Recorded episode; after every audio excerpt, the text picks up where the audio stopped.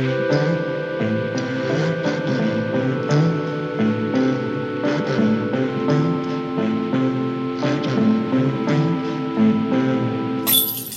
kære lyttere. Du har kastet dig over den danske discgolf podcast. Vi taler discgolf i et væk, vi søger den perfekte linje, og vi giver dig drive til dagen. Følg os på Facebook og Instagram, hvor du kan følge med i processen. Du kan komme med ønsker til gæster og emner. Der vil være konkurrencer og mange flere opshots.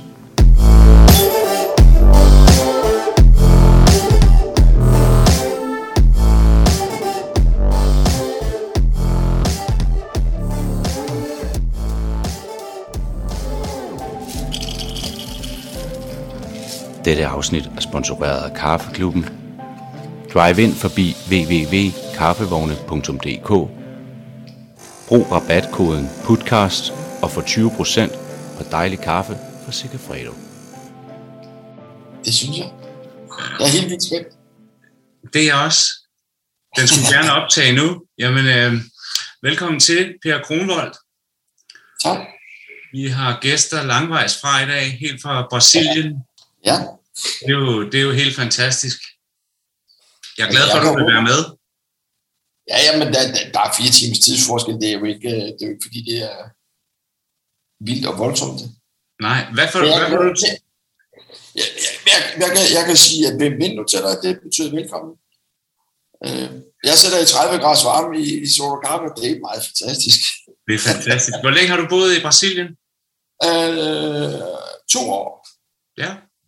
Så jeg er stadig sådan i en læreproces at skal lære at tale portugisisk. Der er der noget at sætte sig ind i der, var. Øh, Ja, når man er blevet 60 nu, så kan jeg godt sige det, så er det altså det er lidt af en opgave, at kaste mig ud i der.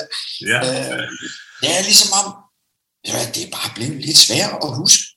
Ja. Altså, end da jeg var 25 eller 30, ikke, der, ja, det var jo ikke noget problem. Jeg kunne bare lige sådan en bum, ikke? Ja. Men nu, ej, du, jeg kan dårligt huske, hvad jeg spiste til morgenmad, ikke? Altså, Men øh, Per, det er jo ikke noget øh, sådan decideret rejseprogram, det her. Øh, du, øh, jeg har taget fat i dig jo, fordi jeg er ved at lave den her podcast om den danske discgolf-historie, frisbee.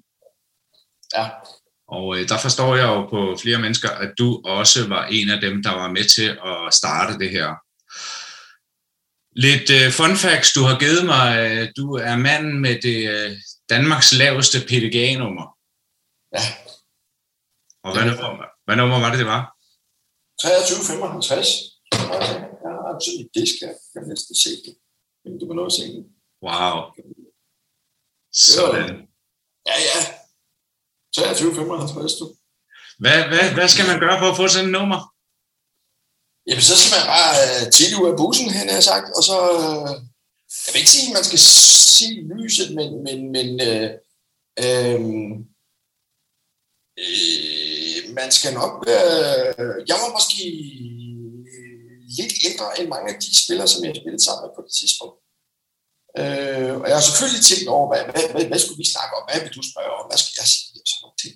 Ja, Og, og det passer rigtig fint med der, hvor Claus han ligesom slap, Claus B., ja, det er ligesom der, hvor jeg, jeg føler, at jeg kommer ind i, i sporten, der hvor, hvor Claus slipper cirka 1980 81 og sådan noget. ikke? Ja. Og der begynder jeg rigtig at spille turneringer. Øh, fordi jeg stifter bekendtskab med frisbee-sporten i 1978. Øh, det var dengang, der, der var der jo frisbee over det hele. Det var sådan en rigtig sommerdeal, ikke?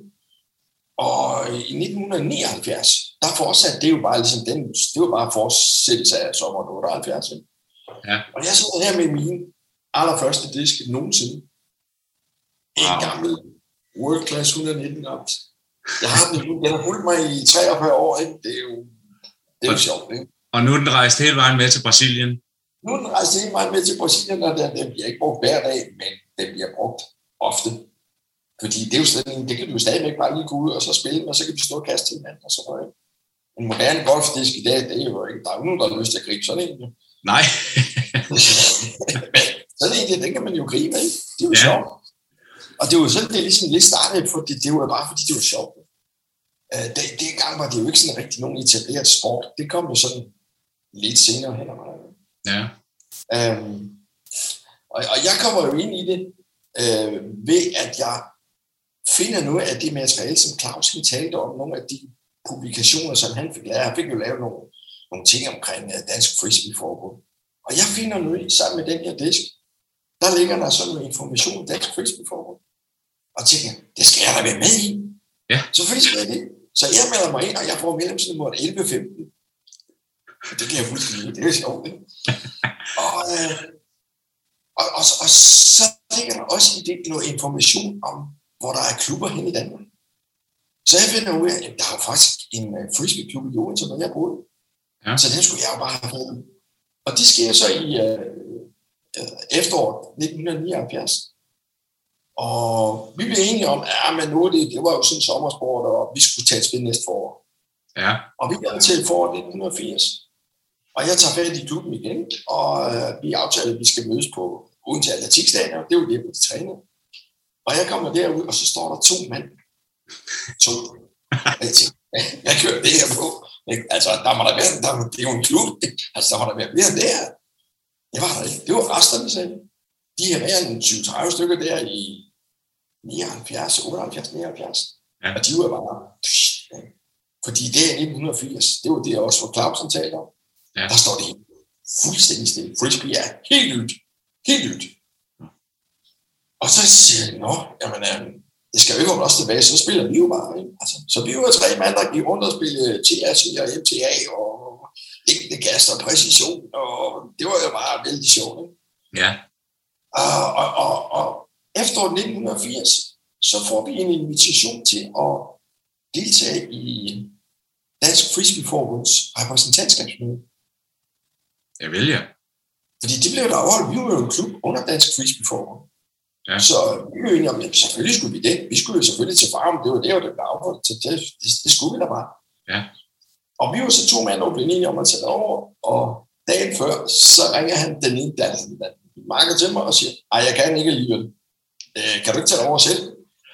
øh, jo, selvfølgelig kan jeg det. Altså, det hvor svært kan det være? Det er jo bare en tur med DSB og, og færgerne. Der var jo ikke, nogen- var ikke nogen storvindsbro dengang.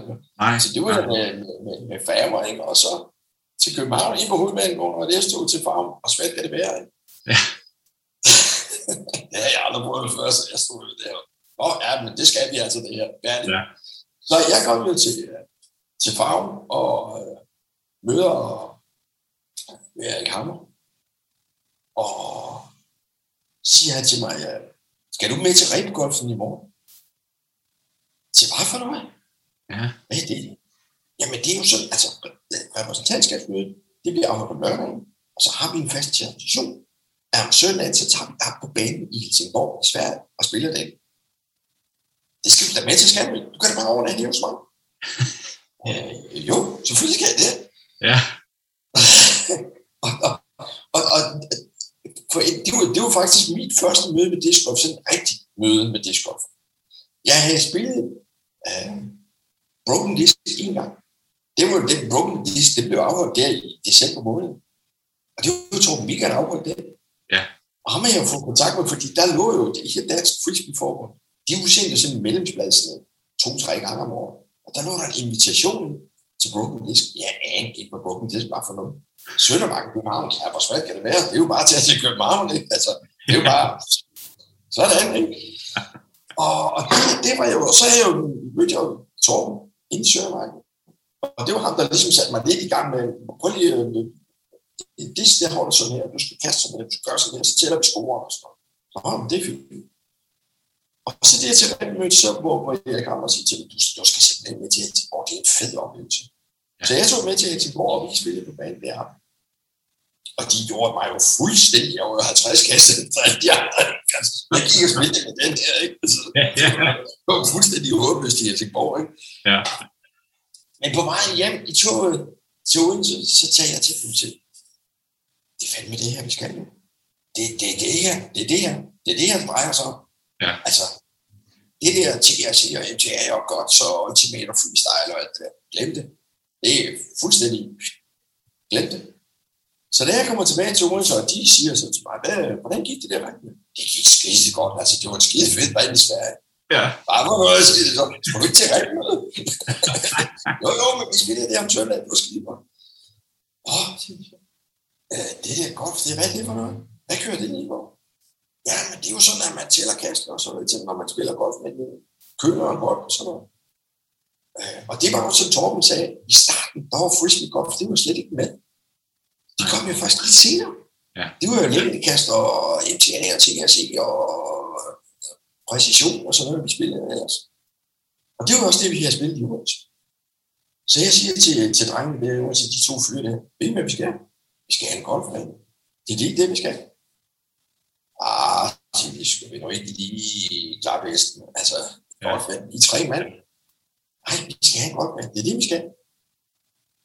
Og det slutter vi meget om, de siger, og selvfølgelig også, hvordan bliver vi nogle flere? Hvordan kommer vi tilbage til 1979, 78, hvor der var masser af mennesker, og det er jo ikke fordi, at frisbee er jo ikke blevet et dårligt produkt af Nej. den grund. Nej, fordi der er gået et år eller to. Det er det samme produkt endnu. Det er jo stadigvæk sjovt at kaste en frisbee. Ja. Det har jo ikke ændret sig betydeligt overhovedet. Det er stadig sjovt. Det snakkede vi jo rigtig meget om, og vi var ude og besøge skoler, og vi lavede brosyrer og øh, folder, og vi lavede jeg var meget inspireret. Jeg havde fået kontakt til en fyr i USA, der hed Tom Monroe. Og han lavede sådan et nyhedsbrev. Sådan en, en, en anden øh, A4-side, som øh, han sendte mig hver måned. Og hvad skete der i Florida? Hvad skete der i Alabama? Hvad skete der der? Og jeg var jo vildt inspireret af det. Jeg tænkte, det, det er sådan her, det skal være. Ja. Hvis de kan, så kan vi da også. Der er jo ikke noget i deres gener, som er anderledes end vores. Nej, Hvis nej, de nej. kan os, de samme øh, kød og blod, som vi er. Så vi lavede noget, der lavede noget, der hed Frisbee. Og så lavede vi rundt på alle biblioteker, i stort set, ja, det meste af Fyn. Vi går til Assens til Bogense og til Langesø og til Nyborg, gav dem ind og der. Ja, ja. ja, det var et helt projekt, altså. Og det var, det var vældig sjovt. Det gik der meget tid med, og, og, og vi snakkede meget om, hvordan, hvordan bliver vi nogle flere, fordi det er jo det, der skal til. Og jeg har jo ligesom set det der i Sverige, altså. Men hvis der ikke er nogen bane, så er der altså ikke nogen spillere. Nej, De, det er rigtigt. de, de er bare sammen. Fordi det, det, vi spiller jo tape om træerne, hvis du kender det, det er det princip om, at man taber noget, noget, noget tape om træerne, ikke? og så spiller Ja. man mellem der og der, og så skal du ramme mellem der og der, og hvis du rammer det, så er det 9, og hvis ikke du rammer, så er det ikke i det. Ja, ja. Øh, og det er eller en skraldespand, eller en jernstativ, eller en lygtepæl, eller et eller andet, vi nu kunne Ja. finde på, at det skulle være det, vi skulle ramme. Så, Ja. jeg føler mig jo som en idiot, vi går rundt og skyder efter en lygtepæl. Jeg er sindssygt. ikke? Altså, det kan vi jo ikke sælge som en sport til nogen som helst, det er jo. Fordi de havde, de havde kurve i Sverige, ikke også? Ja, ja, der er sådan en fast permanent bag mig, desværre. Ja. Og, og det, det, det der fornemmelse at nu disken den sejler ind i kæderne, det siger klam. Altså, det er jo det, så jeg får gået så ud, ikke? Altså, det gør jeg jo stadigvæk, fordi, Ja, åh, det er det fedeste i hele verden. Ja. Disken, den sejler ind i gården og rammer center. Jeg tænker, wow, sådan, ikke? Ja. Det er sgu fedt. Det er stadig fedt. ja, Så, så det var, jeg var jo sindssygt motiveret og inspireret fra Sverige, for den jeg tog til Sverige, som bare satte det hele gang for mig. Ja. Og igennem Tom og Rosen, jeg havde fået forbindelse med der i Florida, han fortæller mig om PDA. Og jeg tænker, "Jamen, det er da bare sådan nogle amerikanske penge ud om, altså, det er bare sådan noget rip-off eller sådan noget andet. Det er bare sådan noget, det sker i USA og sådan noget. Nej, jeg siger til mig, det er det. Der sker en hel masse ting, og det kommer også til Europa, det bliver stort. Jamen, okay. Øh, så jeg fik selv nogle, øh, nogle penge til USA, til Ed Hedrick. Det var Ed Hedrick, der stod for det. Øh, og, så får jeg jo, så får jeg jo en henvendelse, det står som principist for. Og de andre drenge i klubben, da jeg viste dem den her, så var de jo fuldstændig, og en af dem var bare jo, der var en 40 gram mere end det den samme mål. Ja. Den samme mål. Men der var bare 40 gram mere, så den får 20 meter længere. De står Ja. der, du, der er helt, jeg tager helt de viser der det hele, ikke? Og så, wow, hold da kæft, mand. Det var, det var da noget, ikke? Og så skal jeg vise det her også. Fordi man fik også en lille, fik sådan en lille messingskilt, ikke? Det kunne også. Wow. Og stå professionel disc golf Og det her billede, det har Torben har taget fra min første frisbee turnering i 1980 med Broken Disc i København. wow. Så det her betyder, altså efter så Torben er død, ikke, så betyder det her billede altså rigtig meget for mig. Det giver god mening, ja. Det, det, det, er jo, det, er jo det, det er simpelthen bare ikke? Min første turnering, jeg var 18 år, det var altså... Det var og det var i Søndermarken? Det var i Søndermarken, det var Broken Disc. Ja. Og det var den Broken Disc, Broken Disc, det var jo sådan en turnering, hvor man kom med alle sine flækkede tallerkener. Det var jo ligesom det, der var i ordet, ikke? Fordi ja. når man er spillet i sommeren, og de der disk, de flækker, altså de her disk, de flækker, hvis, de, hvis du rammer træ med sådan en på 5 meters afstand, så flækker den jo. Så er det jo smagere. Ja. Hvad gjorde vi så? Jamen, så syede vi dem sammen med syskruer, med, med, med hæfteklammer og tape og lim og alt muligt. Og så de fløj jo af helvede til, når der første måske. Men det var lige meget. Så kan vi spille med dem en sidste gang til Broken Disk. Det var det, der var helt Torbens idé med Broken Disk. Ja. Så, så, så vi kom med vores gamle sammenklappede tallerkener og spillede Broken Disk. Og det gik vældig, indtil svenskerne begyndte at komme. Fordi svenskerne, de fandt jo ingen skid af det der. De har jo ikke forstået, at man skulle spille med de der gamle flækkede disk. De kom med med deres nyeste, bedste disk, og så gjorde de også fuldstændig det. Så, og, og, det er jo ligesom, så gik, så gik jeg tror, tror man har følt, at det, svenskerne, de ødelagde, de, skulle, de forstod ikke det der, at de skulle komme med deres, med deres blikke tallerkener, så de kan spille med en sommer. Det ja. kunne de slet ikke. Det, det er de slet ikke humor til overhovedet. Altså, det forstod de slet ikke. det, var, det var lidt sjovt. Men, men, men der i, i 1980, 1980, øhm, der gik jeg rundt med den vision om, vi skulle altså have en bane det, det, var, det var simpelthen det var eneste vej frem. Ja. Og, og vandene, ligesom vi var, vi var så rimelig flere, tror, vi var fem til på det tidspunkt. Og der var vi altså, vandene, de var meget, meget skilte på det tidspunkt. Fordi de ville spille til os, og MTA og Gods og Freestyle, og altså, jeg kender alt det der. Altså, jeg vil gå til golf. Jeg, jeg gider ikke det der. Ja. Det, det kan I bare med alt op. Det, det, du kan slet ikke. Så det endte med, så det endte med, at jeg meldte mig simpelthen ud af ugen til frisbee klub i ren protest. Og så startede jeg min egen golfklub. Nå. Og hvis du, jeg ved ikke, om du kender den her gamle bog. Jo. Christian. Yes. Det er sådan, at uh, der var to klubber i Odense dengang. Og den ene, det var Odense Frisbee Klub, og den anden, det var Disc Golf Klub 10 år, for det var mig, der stod for den. Det, var, ja, det var lidt sjovt, ikke? Sådan. Uh, og så, da den, var, da, da, da den ligesom var på Ja, så vi var to eller tre eller sådan noget. Og den ene af dem, han spiller endnu. Det er Jakob Burger. Ved du kender Jakob Burger? Jo, jo. Han var med dengang, han var 14 år, 13 år eller sådan noget på det tidspunkt. Ja. Og vi gik rundt og spillede discgolf. Og jeg var inde og have fat i Odense Kommune og sige til dem, ja, vi vil altså meget gerne have sådan en golfbane. Og det sagde jeg bare, ja, jeg vil gerne have en rød Ferrari. Altså, det er så, men, men, men jeg har fundet, jeg har fundet et område i Odense, som var en gammel golfbane, som var Odense Golfklubs gamle bane. Øh, og den var kun på ni huller, og det duede ikke, når man skulle spille rigtig, rigtig golf. Nej. Der skulle, hvis de skulle spille turnering, så skulle de med på 18 huller. Så de kunne ikke spille nogen turnering. Så, og den var øh, anlagt i, jeg tror, en gang i 60'erne eller sådan noget. De, de havde lavet den der bane. Ja. Og da vi når der øh, slutningen af 70'erne, så får Odense Golfklub en ny bane. Og så den gamle bane, den ligger bare hen. Og jeg siger til Odense Kommune, kan vi ikke få lov at spille på den? Og det kunne vi egentlig godt. Det kunne vi godt. Så vi går rundt og spiller det i 82 på den der bane. Øhm, og jeg var inde og snakke med Odense Kommune, og sige, kan vi ikke få lov til at stille nogle kurver? Jo, hvis vi selv ville tage den, så kunne vi godt. Så var det fint. Ja. Men det er det, vi skal. Det er fedt. Ikke? Altså, sådan nu er vi på vej. Ikke? Det, nu kører det. Ja. Og jeg var jo uddannet kleinsmed. Så det var, jeg gik bare ud til min gamle læreplads og sagde, jeg skal bruge noget rundjern, jeg skal bruge noget gade, og så kommer jeg lige at lave de her gode på mandag. Er det okay med jer? Og de sagde, ja, du kommer bare. så det gjorde jeg så. Så jeg lavede en lille kurve, selv til galvanisering, satte noget gade på. Og så blev de monteret dernede på banen.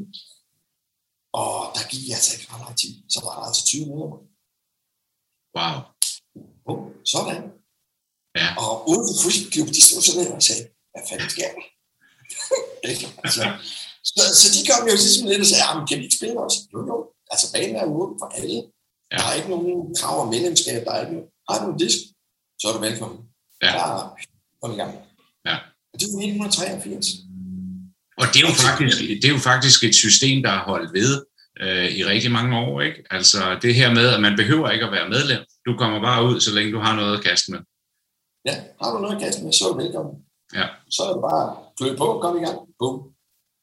Og det er i 83, og, og det er ligesom den forbindelse med Claus også, for 83 til åbningen, jeg havde en drøm om, at jeg ville gerne lave en disk med et specielt tryk, hvor der stod Odense Discgolfbane.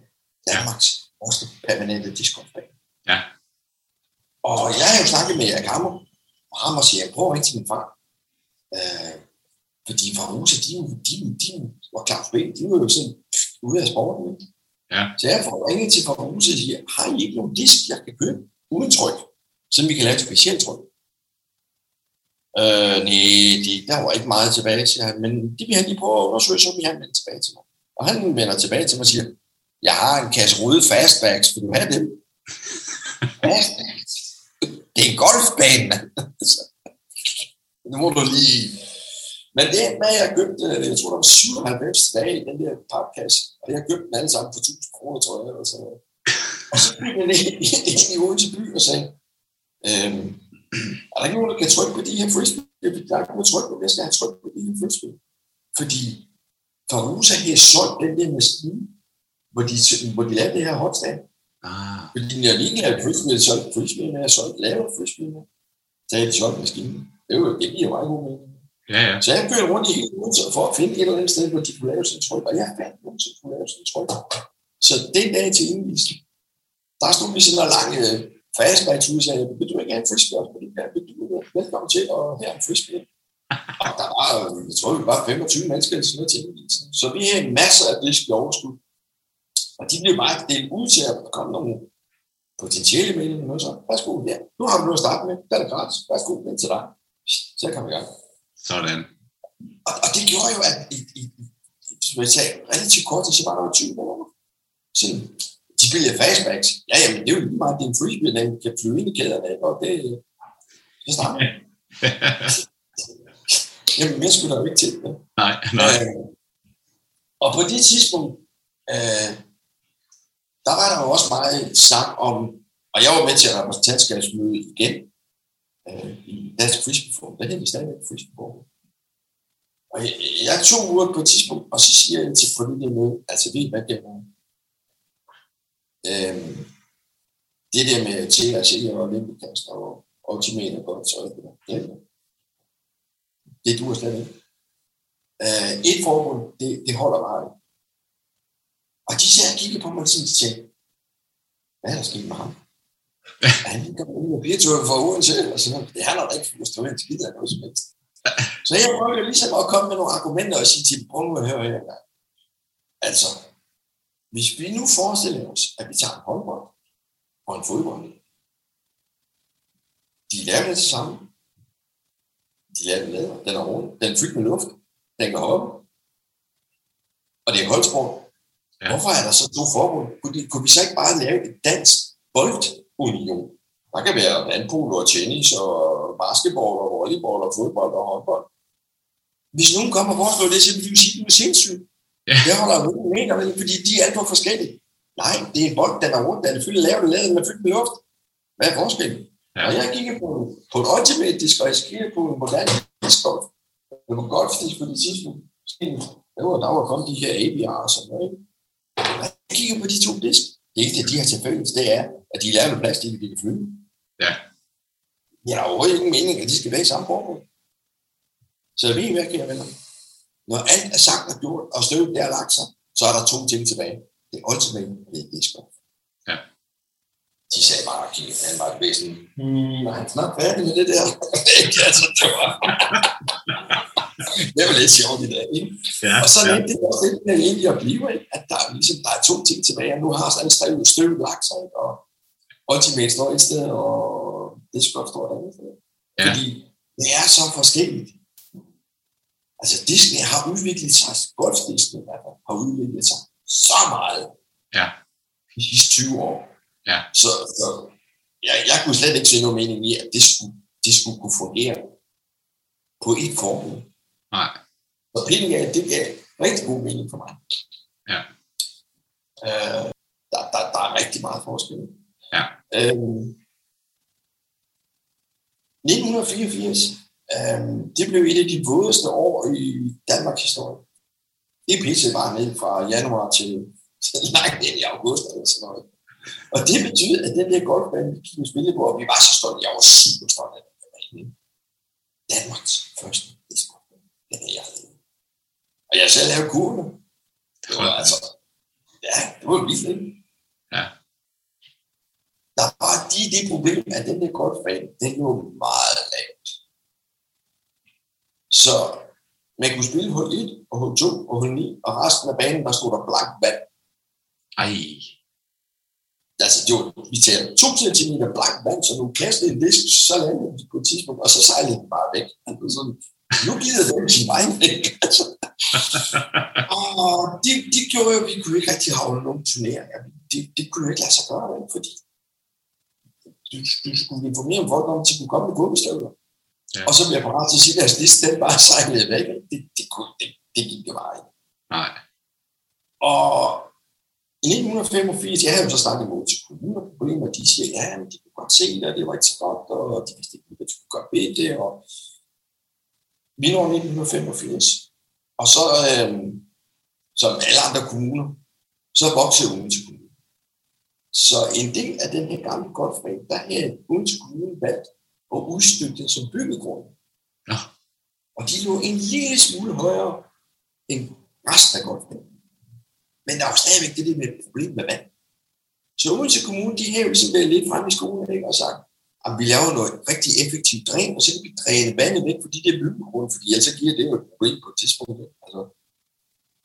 Men for at man kan lave en effektiv dræn, så skal man jo lede det vand et sted hen, der er endnu lavere. Ja.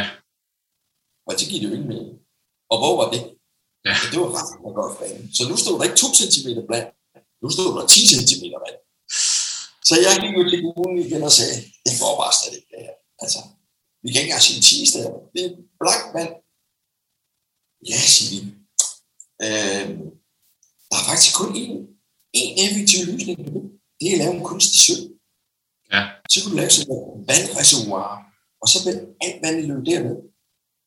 Men det kræver en lokalplan. Det vil sige, det er noget, politikerne de skal tage stilling til. Og jeg stod og kiggede på det der og sagde, Nå, ja, og hvad er tidshorisonten for det? Ja, de, den er nok et sted mellem to og fem år.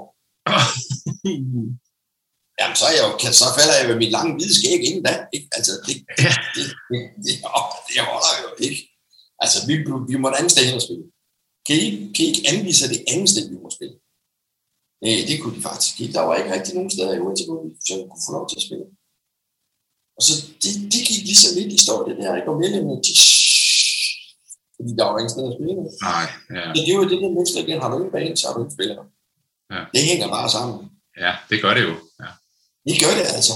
Ja. Øh, og jeg har, så, jeg har jo været rundt i hele Odense med lys og lygte og let alle steder. Og cirka 5 km fra den gamle golfbane, der lå der en, en folkeskole, der hed Brostgårdsskolen. Og i forbindelse med det, der lå der Odense Seminar. Ja. Og de havde sådan en fodboldbane, der var et atletikområde, og så var der en sø, og så var der et grønt område. Så jeg gik ud til kommunen og sagde, ja det er, det er den nye golfbane. Ja. Nej, det er det ikke, fordi det kan vi ikke råde over. Det er skolen, det er seminaret. Det er vi skal snakke med dem. Åh, det er jo ikke noget problem. Jeg kunne bare ud og snakke med dem. Så jeg kørte ud og snakke med dem, og seminaret sagde, at vi gør det skolen. Gør. Hvis skolen siger ja, så siger vi ja. Hvis skolen siger nej, så siger vi nej. Wow. Okay, så skal jeg bare overbevise skolen. Det er jo det, det siger. Det er jo, svært kan det være. Ja. Så jeg gik ud og sagde til dem, vi vil gerne have sådan en golf, sådan en golfkur her. Kan vi ikke få lov til det? Nej, det kan I ikke så. Nå, Ups. hvorfor kan vi ikke det? Jamen, hvor mange er I? Ja, vi er øh, 10 eller sådan. Ej, vi kan komme igen, og I er 100. Nå. Åh, der man. Jamen, kan vi ikke bare få lov til at spille på området? Altså uden kur? Jo, jo, det kan I godt. Okay. I spiller bare alligevel. kan vi, må vi lave nogle turneringer? I laver alle de turneringer, I vil. Men kurverne, de står ikke fast. Nej, okay. Okay. Men så rykkede jeg jo alle kurverne op fra den gamle golfbag, og så, øh, så lå de hjemme i min forældres garage meget langt. I, ja, øh, i ren protest, så havde jeg jo gjort det, at jeg tog øh, bytrafikken, og så slæbte jeg en golfkurve med ind i bussen. Det kan jeg masser af Det var ren protest, ikke? fordi jeg synes fandme, det var for dårligt. Ikke? Altså, det, det, det, det gjorde jeg i lang tid. Jeg kunne den der kæder, der raslede over de kloner til. Hvad han laver ham der? Altså, det Så 1986, og vi gik jo stadigvæk rundt og spillede ud på den der skole der. Og det var, det var et fedt område. Og det er jo ja. der, hvor Boldbro Disc Park, den ligger i dag. Ja, Det er jo lidt sjovt at tænke på. Nå. Det er nok det område. Og Ej, det er Det er jo lidt sjovt at tænke på. 1986, der lavede jeg den første approved PDA sanktionerede turnering ude for USA. Wow. 86. 1986. 25. maj. Så jeg lavede sådan nogle t-shirts her, og se dem. Som i Odense Open, det skal fortælle. Det var den første sanktionerede. Det var den første sanktionerede PDA-turnering i Europa. Wow. Og det var ligesom, så begyndte folk til ligesom at sige, åh, det kan da godt være det der, der er måske en miljø af eller. Øh, og golfbaner og sådan noget. Ja. Og ikke ret lang tid efter det, så begyndte Martin Frederiksen i Horsens at røre på sig og sagde, altså hvis de kan i ude, så kan vi også i Horsens. Altså, Ja. sådan må det være. Ja. Så han fik jo lavet, han fik jo lavet faktisk lavet en, bane i Bygholm Park. Og jeg slog jo stadigvæk med det der seminarie og den der skole der, de blev bare ved med at sige, nej, nej, nej, nej, nej, nej, nej, nej, nej. Det var hverken til at gå eller stikke. Men vi spillede, vi spillede rigtig meget ud, og på et tidspunkt, selvom vi ikke havde nogen bane, fast bane, så tror jeg, vi var omkring 30 minutter. Og det, det var jo egentlig, altså når du tænker på, at der ikke er nogen bane, Ja. øh, det var egentlig, det var egentlig meget godt. Til i dag, der er 30 mellem og ingenting, men, men det, var, det var altså mange dengang. Ja.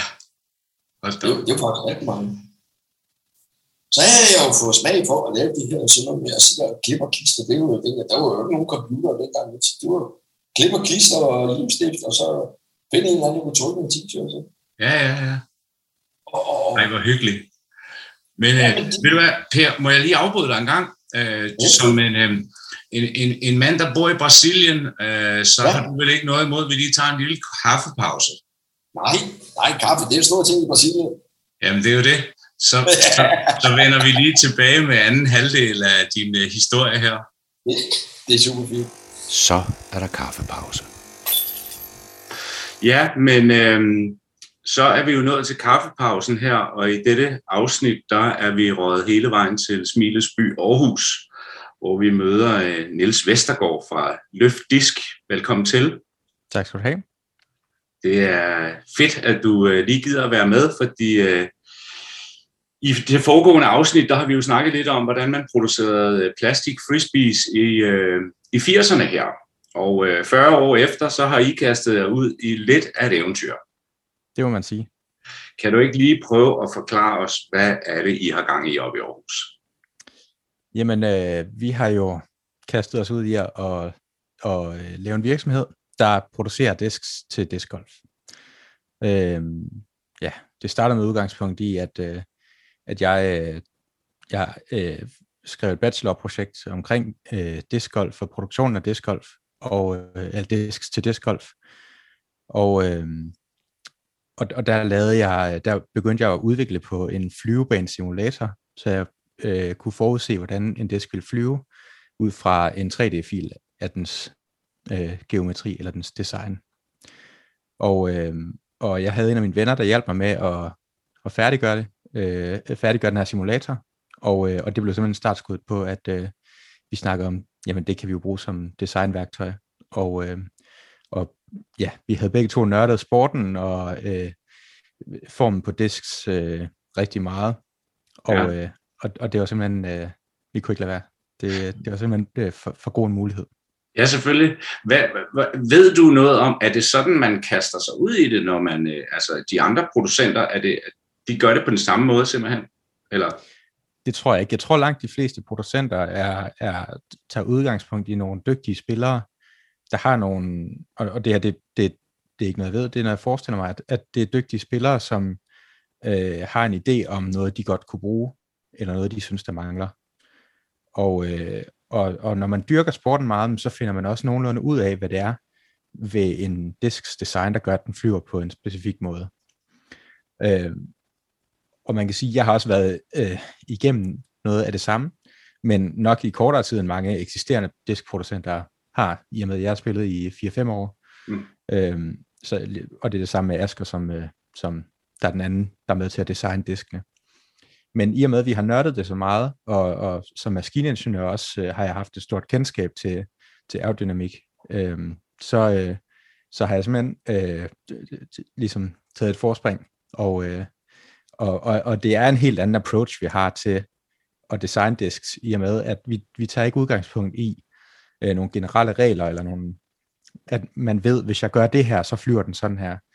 Vi tager udgangspunkt i, selvfølgelig har vi nogle antagelser om, hvad der sker, men vi tester alle ting, alle ændringer, vi laver i et design, og ser, hvordan ændrer det på den endelige flyvebane, øh, før vi implementerer det.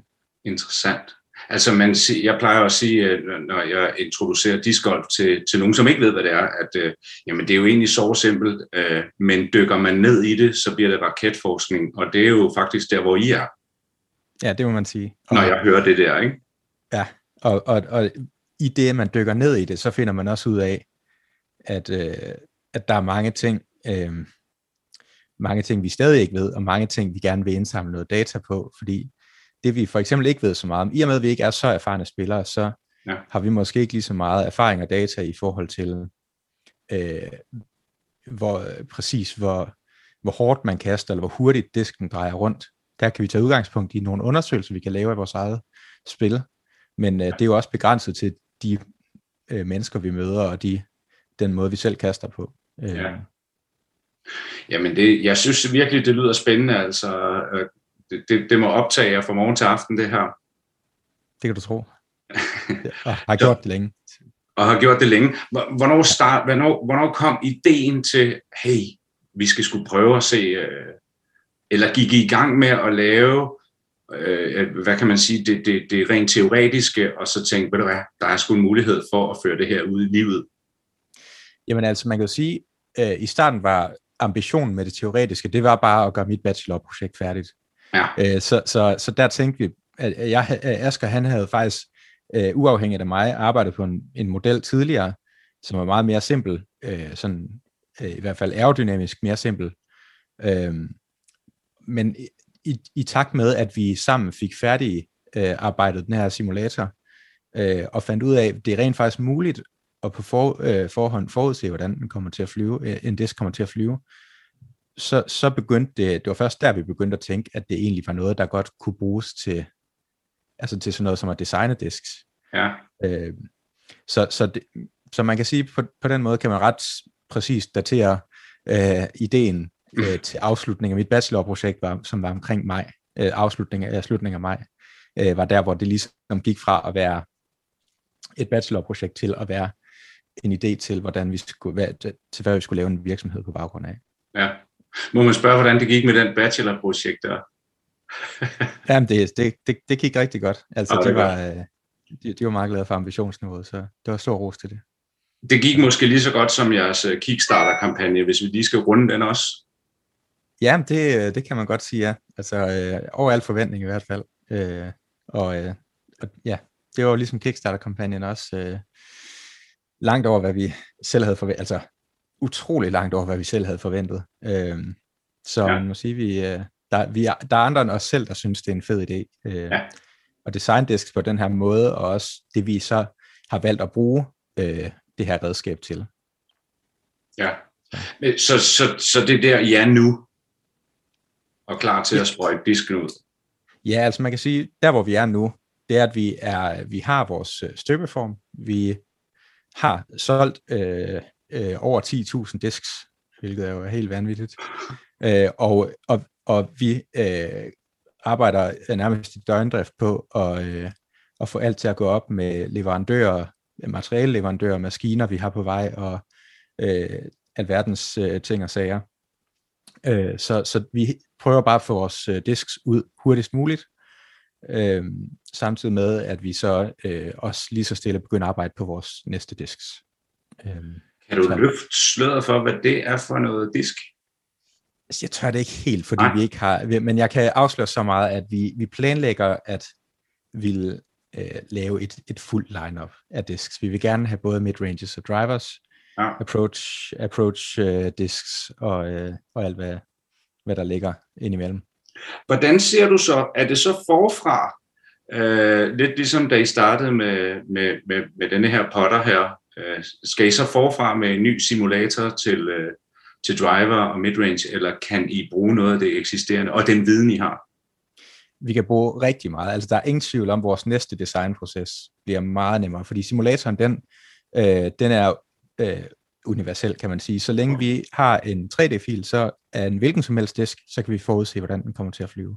Ja. Øhm, og der ligger selvfølgelig en, en masse, så har man en idé, så tester man den i simulatoren, og det tager idé i sig selv at, at generere det data, man skal bruge. Det tager alligevel et døgns tid. Mm. Så, øh, så hvis man skal igennem øh, 20 forskellige forsøg, så tager det også 20 dage. Ja. Øhm, så, så, så det kan godt tage noget, noget tid. Øhm, men det, det, simulatoren er færdig, og det, der også betyder rigtig meget, det er, at, at vores materiale øh, har, er en stor del af den øh, fase, vi er i nu. At det tager rigtig lang tid at finde det rigtige materiale, og efter vi så rent faktisk havde fundet det rigtige materiale, øh, så fandt vi ud af, at de lige pludselig havde to måneders længere leveringstid, end vi havde øh, forventet, så skulle vi til at finde øh, en anden leverandør, som kunne, kunne gøre det hurtigere. Wow. Så, øh, så der er rigtig mange øh, ting at jonglere med. Så, så, Men, så man løber ind i nogle øh, udfordringer undervejs, kan jeg det så man sige. Ja. ja. Hvordan, øh, nu, nu, nu vil I gerne afdække et hul, som I ligesom så med denne her potter her, vil lave noget, som, som man ikke lige kunne finde andre steder. Er det også jeres tanker øh, med de andre, øh, med de andre øh, altså midrange og, og, og driver? Øh, vi har i hvert fald tænkt os at gøre det. Øh, altså noget, vi har snakket om, det, det tør jeg godt lige løfte sløret for, det er øh, at, at måske fylde øh, noget i fairway driver segmentet. Øh, de overstabile fair, fairway drivers, som man kalder det. Ja.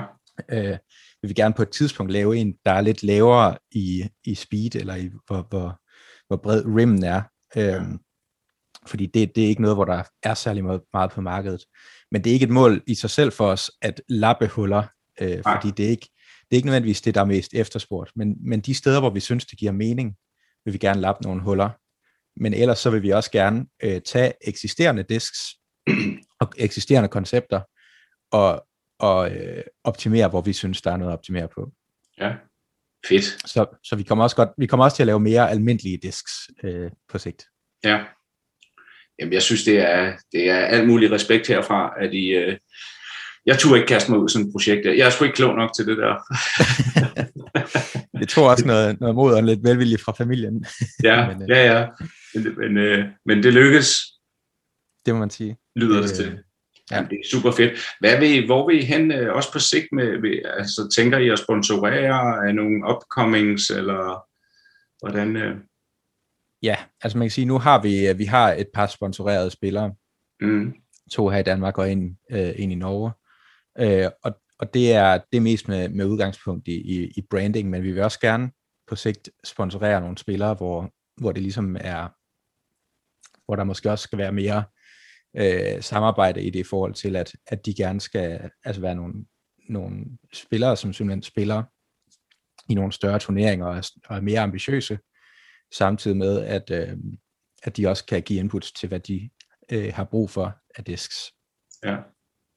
Øhm, da jeg snakkede med dig i telefonen, så snakkede vi også lidt om det der, øh, hvor bliver det produceret hen? Er det noget, I sender udenlands, eller der er et dansk kvalitetsstempel på, kan jeg forstå?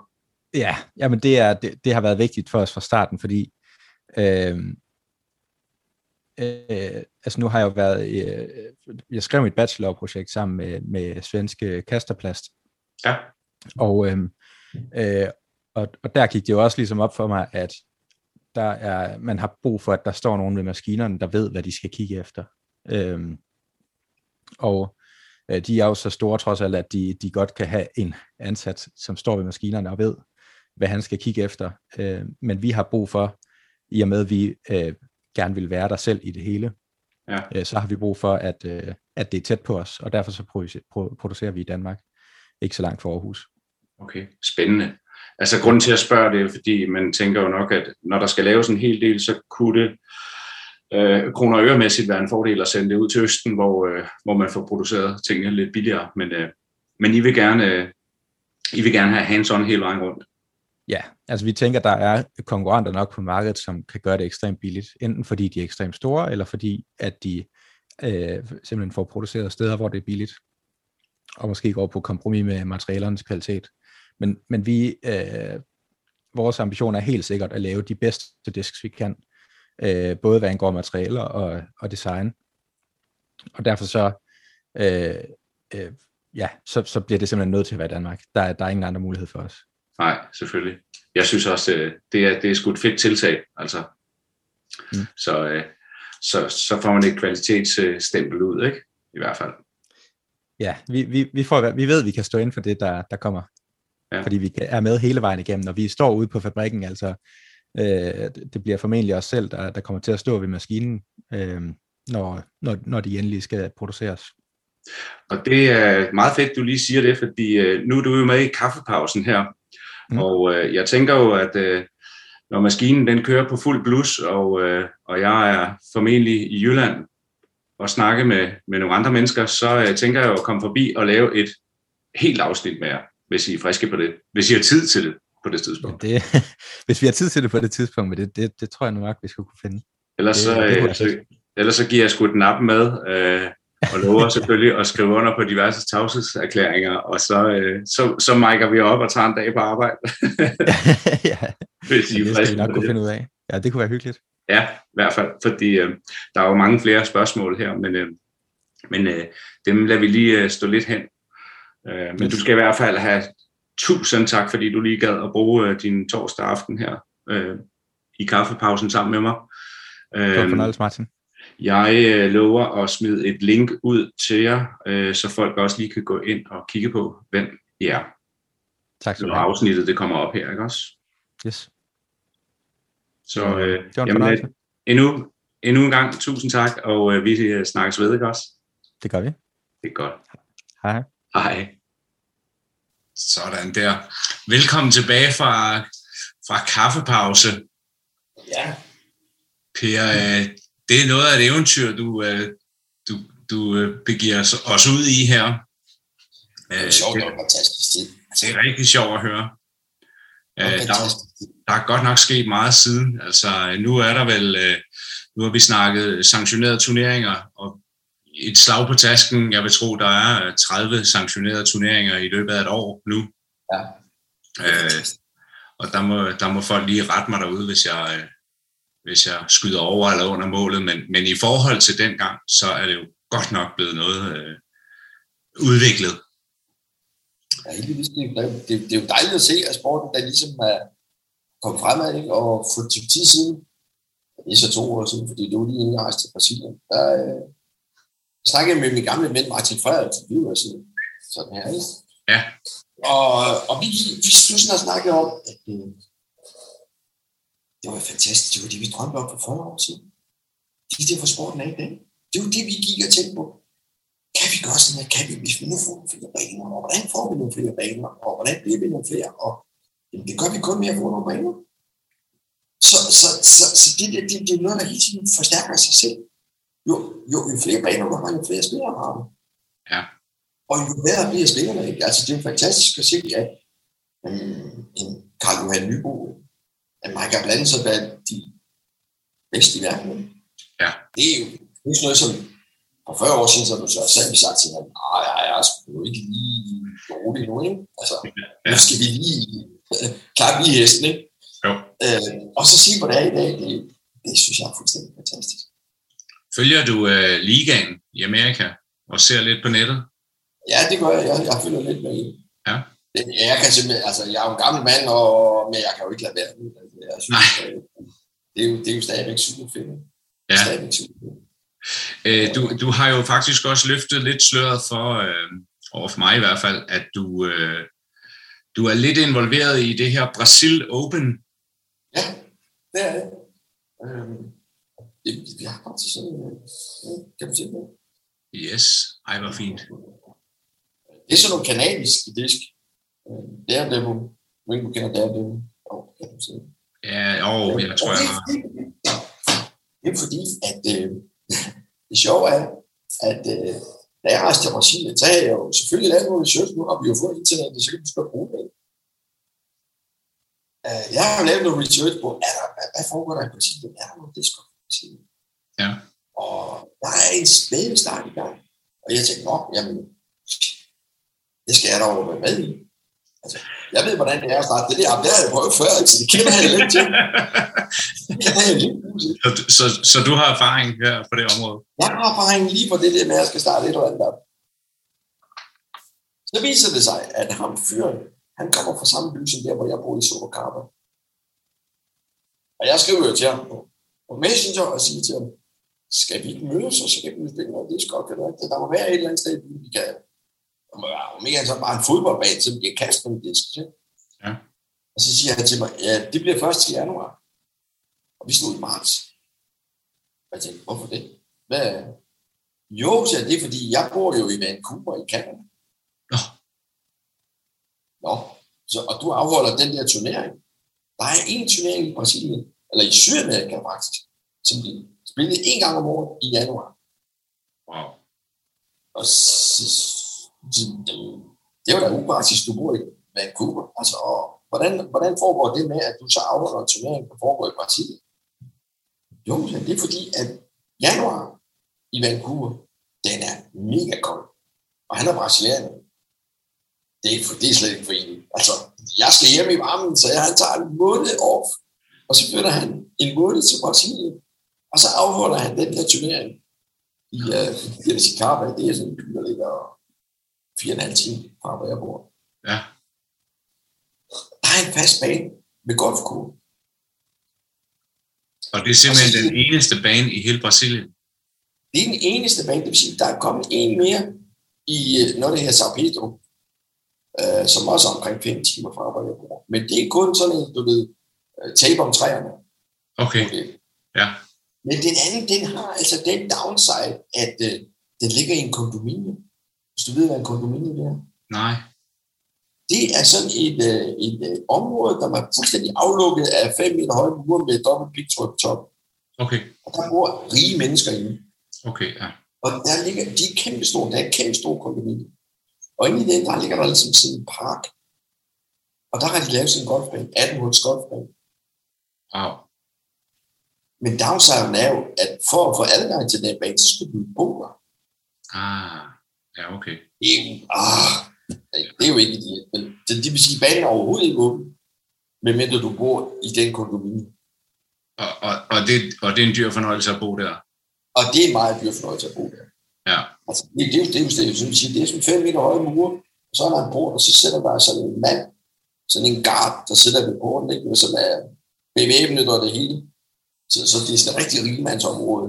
Det er lige før, vi skal lave sådan en fundraising, så vi kan få uh, råd til, at du kan komme ind og bo derinde. Det manglede der bare.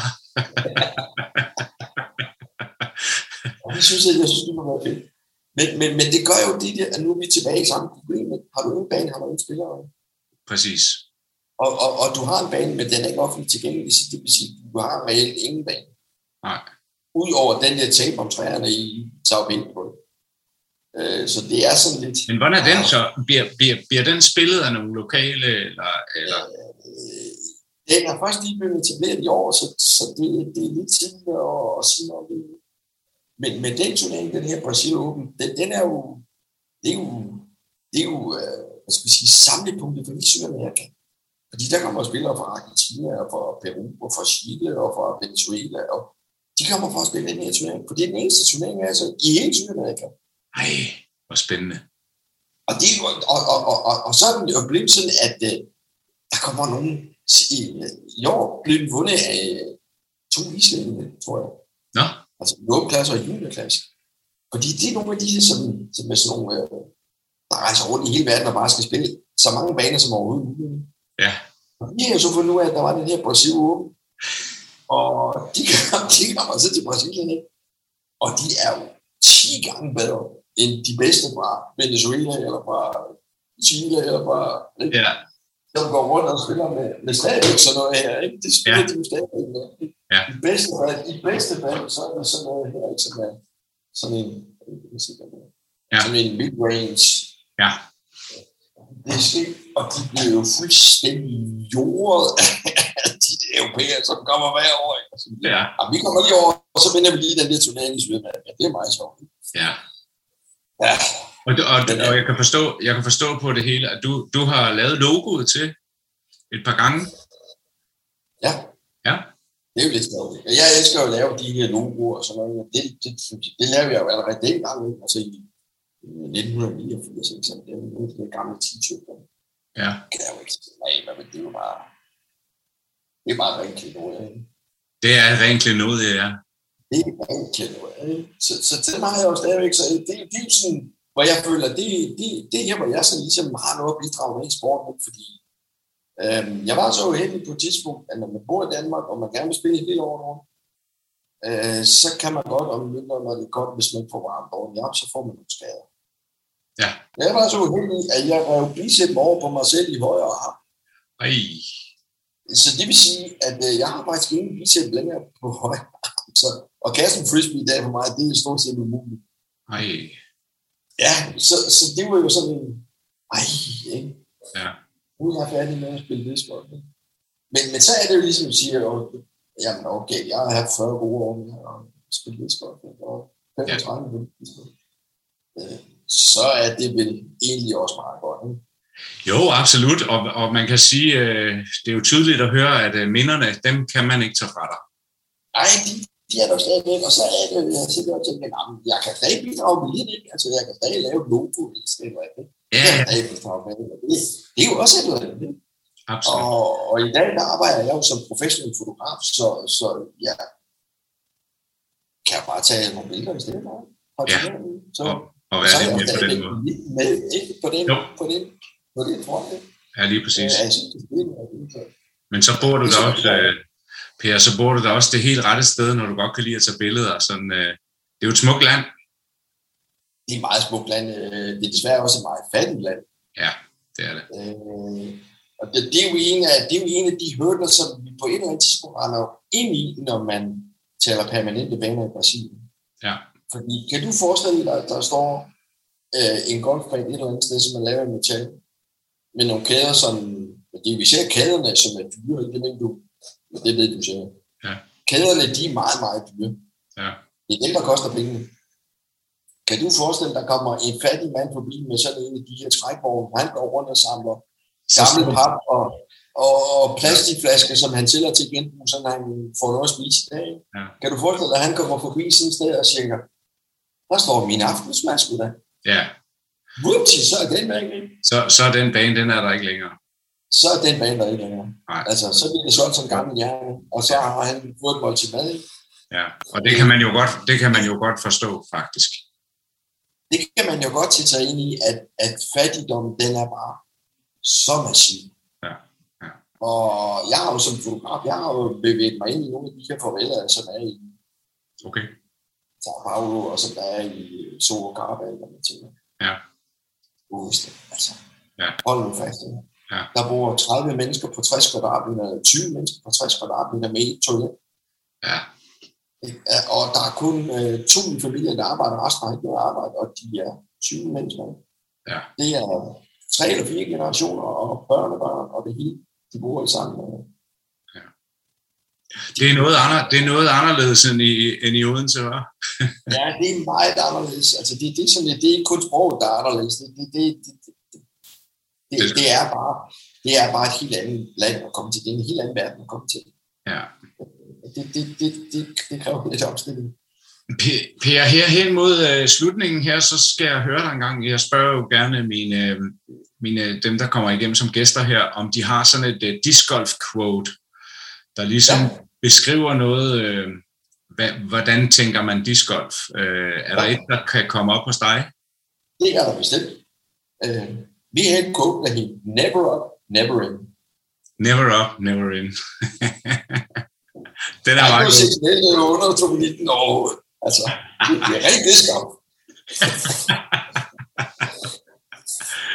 Når, I så, øh, når du så sidder og tænker på alt det her i Brasilien, er der så også et, øh, et stykke musik, du tænker, hvis jeg ser min discgolf-karriere her, hvad, hvad, hvad, hvad for en musik tænker jeg så? Jamen, jeg, når, når du siger musik, og du tænker musik, du spiller musik, øh, så tænker jeg, så går mine tanker, de går straks tilbage til Odense. Og den der våde bane. Og jeg kan huske, Jacob og mig, vi gik nogle gange på banen og skrålede den her gamle Creedence Clearwater Revival sang, der hed Cool Stop the Rain, fordi vi var så trætte af nogle bad over det hele. Så, så den, den, den, den står for mig, den der gamle Creedence sang. Men Ja. den kender du ikke. Det gør jeg, absolut, ja. Når Pokker til ikke, og Cool Stop the Rain. ja. Og, og, og, og det, det var der sådan lidt, at var der politik i den også? Fordi det var jo en sang, der var skrevet under Vietnamkrigen. Ja. Øh, du kan sikkert godt huske øh, Vietnamkrigen også. Der var vi bare små børn, ikke? Ja, jo, jo. Sådan- Fra, fra film og sådan noget, kan jeg huske den, ikke? Men, Fra film og sådan noget.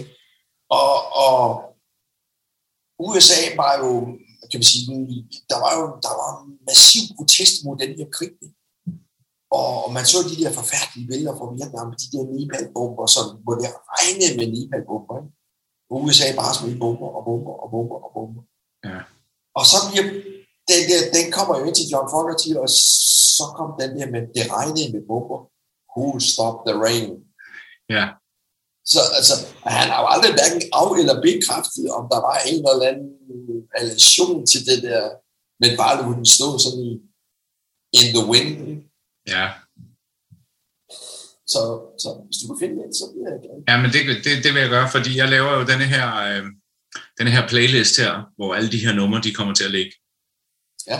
Og så det er jo, det er jo meget, altså det, det er jo blevet meget på mode, at folk de har en lille højtaler med ude på banen og sådan noget. Så, øh, så er der i hvert fald mulighed for at lytte til de her numre, mens man spiller, Ja, hvis der er nogen, der har lyst til det. ja. Det er jo en fantastisk verden, vi lever i nu. Selvom jeg er blevet en sådan halvgammel mand, ikke? Så, så, så sætter jeg jo hver gang, der kommer en ny app, eller der kommer et eller andet nyt, eller jeg arbejder med Photoshop, jeg arbejder med, med de der Adobe-programmer. Og Jeg synes, ja. det er totalt fedt. Selv sådan en gammel mand, ikke? Ja, Jeg synes bare, er det, jeg tænker hver gang. Nu er der kommet noget nyt. Hvad kan det her gøre for mig?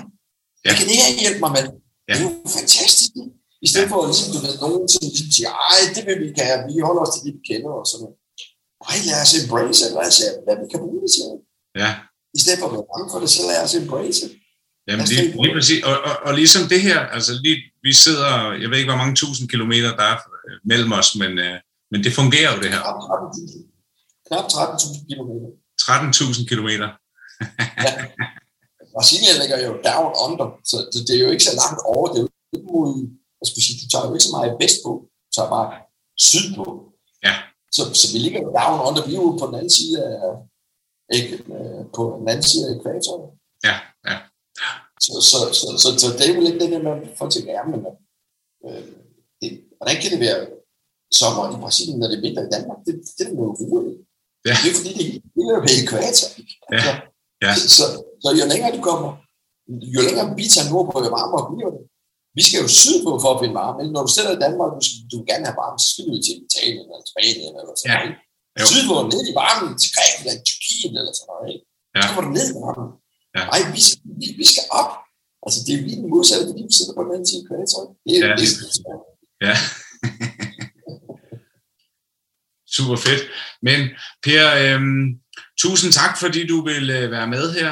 Det er jeg super glad for. Øh, Jeg vil sige tusind tak for en øh, dejlig tur ned af Memory Lane. Det har jo været mig. Altså, Ja. De her gamle disk, så alle de her, som slet ikke noget, vi snakker om, at vi fik lavet vores egen specielle disk. Den her. ja, det skal vi da også lige ind på. Ja, Altså, det var jo bare super fedt, og sagde, det kan ikke lade sig godt. super. Øh, det var fra 1987, og de her, de, bane, de, de billeder fra banen i Helsingborg, som var brugt som logo. Som ikke du kan, kan du også se det? Det er fantastisk. Det lavede vi op til en logo, ikke? og, og det var jo bare sådan noget, for det kan ikke lade sig gøre. Det er alt for dyrt at få en disk hjem i USA, fordi det var jo det, der skete. dengang at Borussia og Claus stoppede, så kom der sådan et vakuum. Hvor skal vi købe disk hen? Ja. Fordi sportsforretningerne og legetøjsforretningerne, de har jo disk med. Så alt skulle jo hentes hjem fra USA. Ja. Og det tog jo bare så lang tid. Fordi der var ikke noget internet, der var ikke nogen... Øh, næste dag, så øh, kunne man håbe på, at der var en fax. Jeg tænkte på, hvor beskrevet det var. Når man skulle sende betaling til på sådan en disk, man skulle ned i banken og købe en amerikansk check og sende personalmail til USA. Ej, Og på den her. Og så bagefter, to måneder senere, så kom der forhåbentligvis en kasse med disk. Så. Hold da fedt. I to måneder cirka. Wow. Fordi det tog jo bare en uge at få sendt, få sendt øh, et brev til USA. Og så Ja. skulle du først til i gang med her, eller hvis du bare havde sendt den almindelige ordre, så tog det måske i bedste fald halvanden måned. Og, og, og, og hvis de så havde et spørgsmål til jer, så var det tilbage igen. Uh, det var helt håbløst, altså. Det var virkelig, det var virkelig håbløst. ja. Og så den her fra 1989. Det må jeg simpelthen. En mini. Wow. Ja, det er sgu Det, fint. det, Ja. det, det har været en tur, det er memory lane, det her, skulle ind og finde alle de her gamle klenoder fra den gang. Det er lidt sjovt, ikke? Ja, det skal ikke. Det er måske det er ikke noget, du lige har stående fremme jo, måske. Ej, de ligger sådan pakket godt ned, og jeg hey, meget mere end det her. Ja. Ja. Men på et eller andet tidspunkt, da jeg skulle til Brasilien, så bliver jeg jo nødt til at ligesom at sige, altså, jeg kan ikke tage det her med mig, ikke? og det ligger kun i en papkasse. Kun fordi jeg synes, det er nogle minder for mig, ikke? og det koster en formue for fragt til Brasilien. Så Ja, ja. ja, jeg tager det, det, jeg synes, der har højst værdi, og resten, det, det går jeg over til Martin Frederiksen. Ja, Han er jo ved at lave sådan en discgolf-museum, eller ja. har været for tankerne om det. Og så tænkte jeg, mange af de der disk, som jeg havde fra dengang, jeg havde en masse disk. Ja. De ligger hos Martin, og så, Så, så ved du også, at de ligger trygt og godt, ikke? så jeg ved, at de ligger trygt og godt, og det vil jo glæde mig, hvis han engang får lavet et museum, hvor folk kan rundt og kigge på de der gamle disk fra 1987. Og sådan Ja, noget. ja, ja. Det kan holde bare op, mand. Lavede de sådan noget dengang, ikke? Altså, Fordi der er, i hvert fald, øh, der er i hvert fald et publikum til det nu, ikke også? Altså, Ja. det, er jo, det er jo strømmet til her i år. Øh, og det er jo det er delvis ved at være på grund af pandemien. Præcis, ja, ja. Øh, Fordi, Det er i hvert fald det, jeg hørt fra Vancouver i Canada, at mange af de Ultimate-spillere, som var i, i, i det område, Ja. de er jo til over til at blive discgolf-spillere nu for alternativ, så, så gjorde de ingenting. med. nej, lige Så, præcis. så, så, så, nu spiller de bare discgolf i stedet. Så nu bliver det spændende at se, om de bliver hængende, eller om de, øh, om de ryger tilbage til Ultimate. Det gør de nok jo. Det, det gør de nok, men jeg tror, at mange af dem, de de, hvis man så meget er blevet en lille smule hooked for det her, så tror jeg, at mange af dem, de bliver ved med at blive sådan lidt uh, spil væk lige nu. Ja, tror jeg. Det tror jeg Jeg også. tror ikke. Det, det, det tror jeg. Selvfølgelig vil, der komme sådan en, øh, at der forsvinder nogen, når den her Ja. pandemi engang forsvinder. Ikke? Så, Ja. og vi kommer tilbage til normal igen. Ja, lad, og lad os så se, hvad normalt det bliver, ikke? Altså, Ja, det er jo lige det. Det er jo ingen af os, der ved endnu. Nej, det er jo det. Hvad, hvad, hvad der sker på den front. præcis. Per, tusind tak. Tak for, tak for en time i hyggeligt selskab. Jeg øh, skriver til dig. Obrigado, som det er på portugisisk. Ja, hej. Ja, kan du have det godt? Og i lige måde, jeg skriver til dig. Det er fint. Tak skal du have. Hej, hej. Hej. Vi hørte her Per Kronvold fra Brasilien berette om de første permanente baner i Danmark, første PDGA-sanktionerede turneringer og plastikproduktion. Femte afsnit dropper her på kanalen om 14 dage. Indtil da kan du gå ind på vores Instagram-profil og se billeder af de omtalte klenodier fra dette afsnit. Dette afsnit er sponsoreret af Kaffeklubben. Drive ind forbi www.kaffevogne.dk Brug rabatkoden PUDCAST og få 20% på dejlig kaffe fra Sigafredo. Never up, never in.